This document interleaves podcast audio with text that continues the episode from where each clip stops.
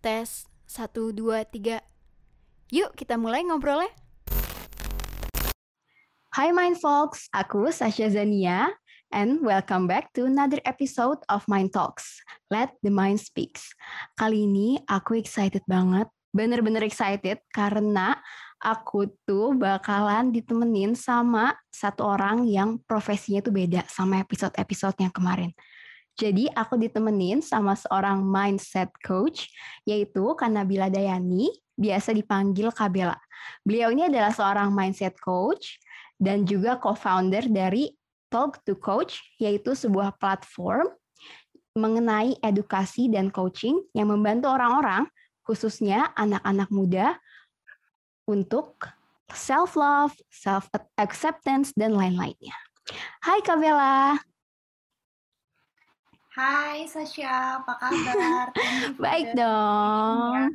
Thank you so much Kak Bella udah nemenin kita hari ini. Sama-sama.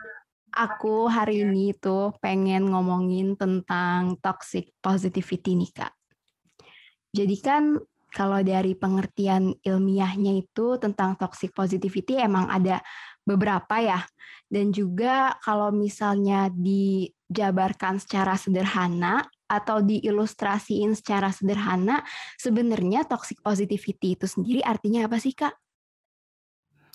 Oke, okay, ini that this is a good question ya, teman-teman. uh, karena sebenarnya toxic positivity itu sederhananya adalah being positive at all cost. Jadi okay. uh, um, sebuah pola pikir di mana ketika kita menghadapi masa-masa sulit dalam hidup, kita tuh mindsetnya perlu tetap stay positif. Misalnya okay. kita tetap berusaha, uh, berusaha bahagia, berusaha kuat, walaupun sebenarnya itu bukan yang kita rasakan. Oke. Okay. Gitu. Jadi walaupun uh, sebenarnya toxic positivity itu selalu dibarengin sama niat yang baik dari diri kita atau buat orang lain, kekurangannya di sini adalah kita jadi nggak punya compassion atau rasa okay. kasih gitu baik terhadap diri sendiri ataupun orang lain dan uh, dengan gak adanya compassion tuh otomatis bisa menghilangkan kesempatan kita untuk connect sama orang lain gitu dan okay. kita mungkin udah aware ya bahwa vulnerability itu being vulnerable terkadang adalah satu-satunya uh, ibaratnya pintu masuk agar bisa kita apa ya connect sama orang lain gitu mempunyai connection sama orang lain. Jadi justru dengan adanya toxic positivity itu sendiri malah jadi ngeblok koneksi kita dan hubungan kita sama orang lain ya kak. Ibaratnya kayak jadi iya. ngilangin empati kita gitu ya. Mm-mm, karena kan ibaratnya kita mau nunjukin yang udah deh yang baik-baik aja gitu, yang yang positif-positif aja. Sedangkan mm-hmm. kan untuk kita bisa connect dengan orang lain diperlukan yang namanya level of vulnerability itu sendiri. Oke. Okay. Gitu. Tapi nih Kak, kalau misalnya dari toxic positivity itu sendiri ibaratnya gitu diilustrasikan, itu tuh ada dari lingkungan luar kita, dari eksternalnya, atau justru itu berasal dari mindset kita sendiri, atau malah mungkin itu keduanya, Kak?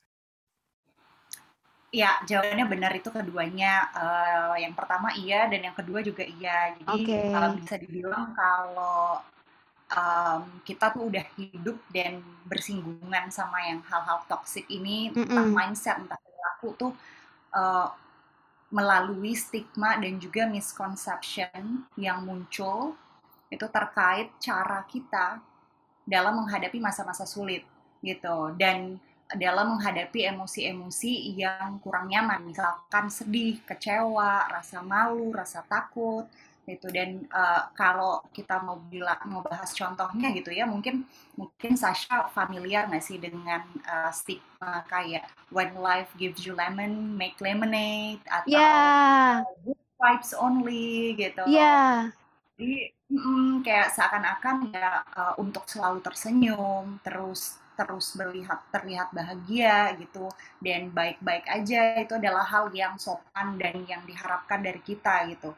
Baik dalam interaksi sosial dan uh, sehingga juga kalau misalkan apa namanya hal-hal tersebut kita terus terapkan gitu ya hal-hal tersebut bisa dibilang um, apa namanya misconception yang memang udah muncul dan ada mungkin sejak lama dari zamannya nenek atau buyut kita gitu ya.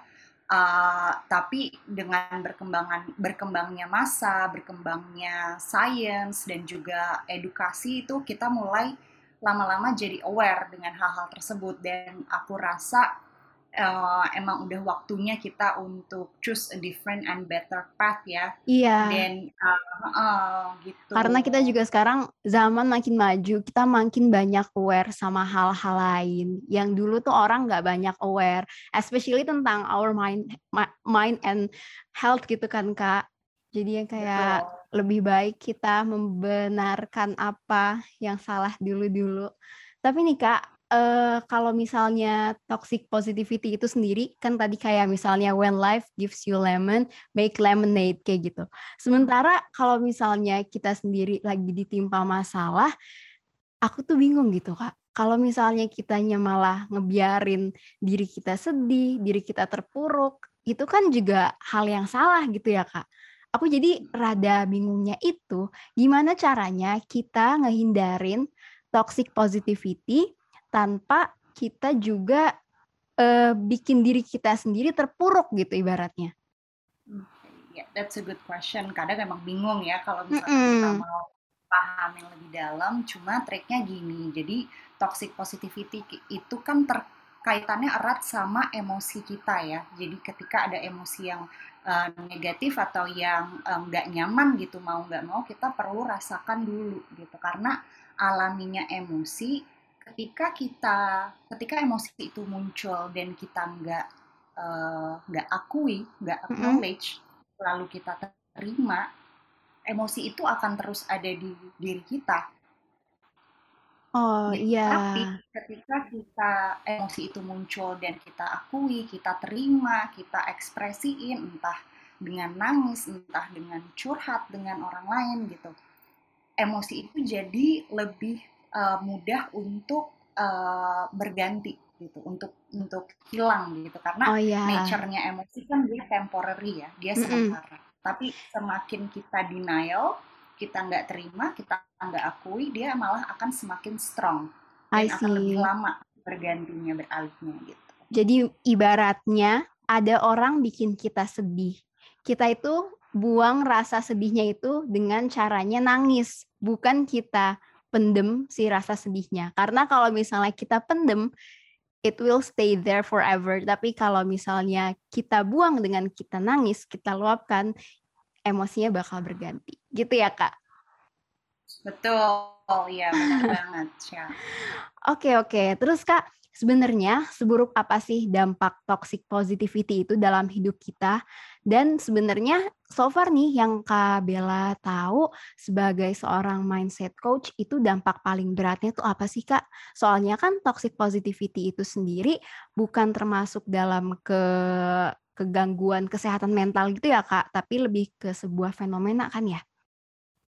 Hmm, iya betul. Uh, kalau dari dampaknya itu sendiri sebenarnya kita bisa feeling isolated ya, apa ya, okay. kayak um, ter merasa sendiri atau nggak bisa hmm. helpless gitu.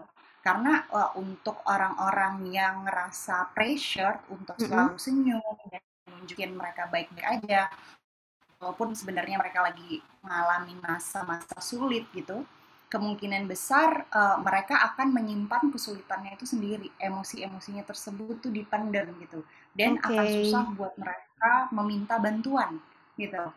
Entah mungkin merasa malu sama apa yang mereka mm rasain, entah mereka ngerasa takut bahwa perasaan itu nggak layak untuk di-share gitu. Tapi uh, kalau untuk dampak terberatnya, uh, contohnya bisa seperti ketika seseorang yang berada dalam abusive relationship. Contohnya yeah. romantic atau uh, dalam family gitu ya. Mm-hmm. Dan ketika mereka dalam uh, abusive relationship ini dan tetap mengaplikasikan toxic positivity di mana mereka tetap berusaha forgiving, tetap, tetap berusaha hopeful, tetap mm-hmm. berusaha melihat the good things in the bad situation, yeah. otomatis kan mereka bisa jadi akan tetap stay gitu di dalam di dalam cycle toxic tersebut gitu dan mungkin akan malah ngebiarin si abuser itu tetap mengabuse dan bahkan lebih mengabuse lagi itu Iya, sih benar benar benar. Iya sih, benar, Kak. Terus, Kak, kalau misalnya nih, eee, dari sudut pandang seorang mindset coach lagi, kerugian atau kerusakan apa sih, Kak, yang bisa timbul pada seseorang pada saat dia mengalami toxic positivity? Hmm, oke. Eee, ada beberapa ya, itu bany lumayan banyak sih kalau kita mau sebutin satu-satu. Tapi, eee, yang pertama tuh adalah, eee, kesulitan untuk komunikasi dan connect sama orang lain gitu. Seperti yang tadi aku bilang, vulnerability itu sangat penting ketika kita pengen, eee, membuat koneksi dengan orang lain gitu ya, eee, being Mhm. vulnerable. Dan ketika kita nggak mampu untuk ekspresiin di the apa ya, the down atau the low side of ourselves, itu ya gimana kita bisa sepenuhnya connect dengan seseorang gitu. Dan, eee, itu bisa mengganggu kualitas, eee, relationship tersebut. Terus Iya, yang benar. kedua mhm, Dan terus kayak yang tadi balik lagi juga ke yang Kak Bella bilang, kalau misalnya seseorang ada di dalam situasi yang toxic positivity itu sendiri, dia bakalan feeling isolated juga kan. Padahal iya. dengan dia tuh feeling isolated, dia jadi ngerasa sendiri, padahal sebetulnya juga belum tentu dia sendiri, tapi dia nggak bisa ngeluarin emosi dia karena dia ngerasa kayak, "Nggak pantes ngerasa sedih kayak gini, nggak pantes kalau misalnya ada di keluarga kayak gini tapi masih nggak bersyukur," ibaratnya kayak gitu ya. Betul, iya, kayak terus-terusan bersyukur juga tuh bisa, apa namanya, bisa sampai kepada titik toxic positivity gitu. Iya, bener. kayak ya perlu diakuin aja, shit happens Iya. sometimes. Lagian padahal dengan kita break the cycle, itu padahal bukan berarti kita nggak bersyukur atau kita nggak grateful dengan apa yang kita punya, tapi justru kita ingin membenahi apa yang salah di hidup kita kan ya, Kak? Iya, betul. Terus Kak, eee, Kak Bella ini kan pasti udah ketemu banyak orang gitu kan, Kak. Nah, sebenarnya itu Kak, seberapa sering sih Kak, Kak Bella tuh ngelihat seseorang terjebak dalam situasi yang toxic positivity ini? Mmm, sangat sering sih, karena mayoritas dari kita gitu ya, memang masih asing dengan konsep menerima semua emosi baik Iya, negatif dan positif. iya bener banget Masih sih. asing, masih masih apa ya, Nggak usah gitu nggak usah jauh-jauh ke ke lingkungan yang lain, ke di keluarga aja tuh kayaknya masih gitu kan. Iya, iya itu aja, apa namanya, itu juga gitu. Karena, eee, jujur aja semua manusia kan punya ya yang namanya emosi Mhm. ya. Tapi memang, eee, dulu di sekolah aku, aku nggak tahu sih kalau sekarang ya, zaman aku tuh dulu memang nggak ada pelajaran gitu, das pelajaran dasar setidaknya kayak bagaimana kita bisa mengelola emosi dengan sehat gitu, itu nggak ada. Dan, Oh, pas mmm aku juga belum ada sih, Kak. Iya kan, itu Iya. basic education people needs gitu Iya. menurut aku. Gitu, dan, eee, apa ya, kayaknya sampai kita bisa mensosialisasikan konsep ini pada masyarakat luas gitu, orang-orang akan masih banyak gitu yang ngejalanin Iya. dengan pola lama gitu, di mana mereka menyimpan emosi negatif sendiri, terus struggle sendiri, dan mungkin berusaha hanya menunjukkan yang, eee, yang bagus-bagusnya aja gitu, yang positif-positifnya aja. Tapi nih Kak, pertanyaannya, mungkin Mhm. sih sebenarnya kita hidup tanpa toxic positivity? Oke, kalau jawabannya mungkin, mungkin banget, tapi, eee, balik lagi untuk kita bisa hidup tanpa positif eh, Mhm. eee, toxic positivity itu, pertama-tama kita perlu menerima dulu bahwa toxic positivity itu exist loh, ada loh di sekitar kita, gitu. Dan ketika kita udah aware, mmm, sama, eee, toxic positivity itu toxic positivity itu, Iya. kita jadi bisa, eee, apa namanya, meng-handle dengan lebih baik lagi gitu. Kita bisa bisa jadi terpanggil untuk belajar lebih tentang uh, bagaimana caranya meregulasi emosi dengan baik, bagaimana caranya kita bisa connect, bagaimana caranya kita bisa menjadi support yang baik untuk orang-orang sekitar kita gitu. Karena uh, yaitu tadi toxic positivity itu erat kaitannya dengan emosi. Mm-mm. Dan emosi itu kan bukan hanya sesuatu yang terjadi begitu aja ya. Emosi itu muncul di tubuh kita dan memberikan sinyal uh, kepada otak kita yang berisi informasi penting. Iya. Nah, sebenarnya itu cara kita tuh uh, memahami dan mengevaluasi situasi-situasi dalam hidup gitu. Misalkan ya, ketika kita ngerasa takut, ngerasa sedih, ngerasa marah, sebenarnya emosi-emosi tersebut kan walaupun nggak nyaman, mereka punya tujuannya masing-masing gitu.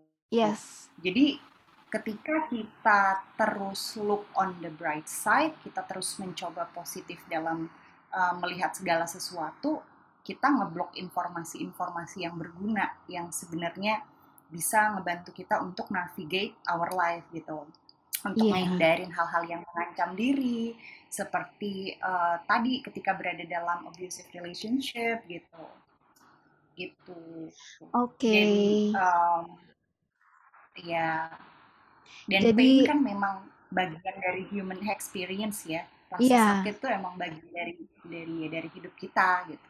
Jadi sebenarnya kita ini mungkin hidup tanpa toxic positivity, tapi balik lagi ke cara kita gimana kita bisa tackle negative emotions. Karena hidup tanpa toxic positivity itu mungkin, tapi hidup tanpa negative emotions itu nggak akan pernah mungkin.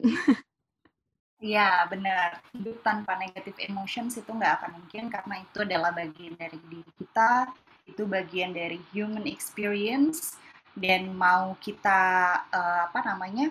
Kalau kita mau kalau kita tolak ya itu akan menyusahkan kita sendiri gitu. Jadi lebih iya, baik bener, kita bener, belajar bener. untuk menerima dan embrace aja.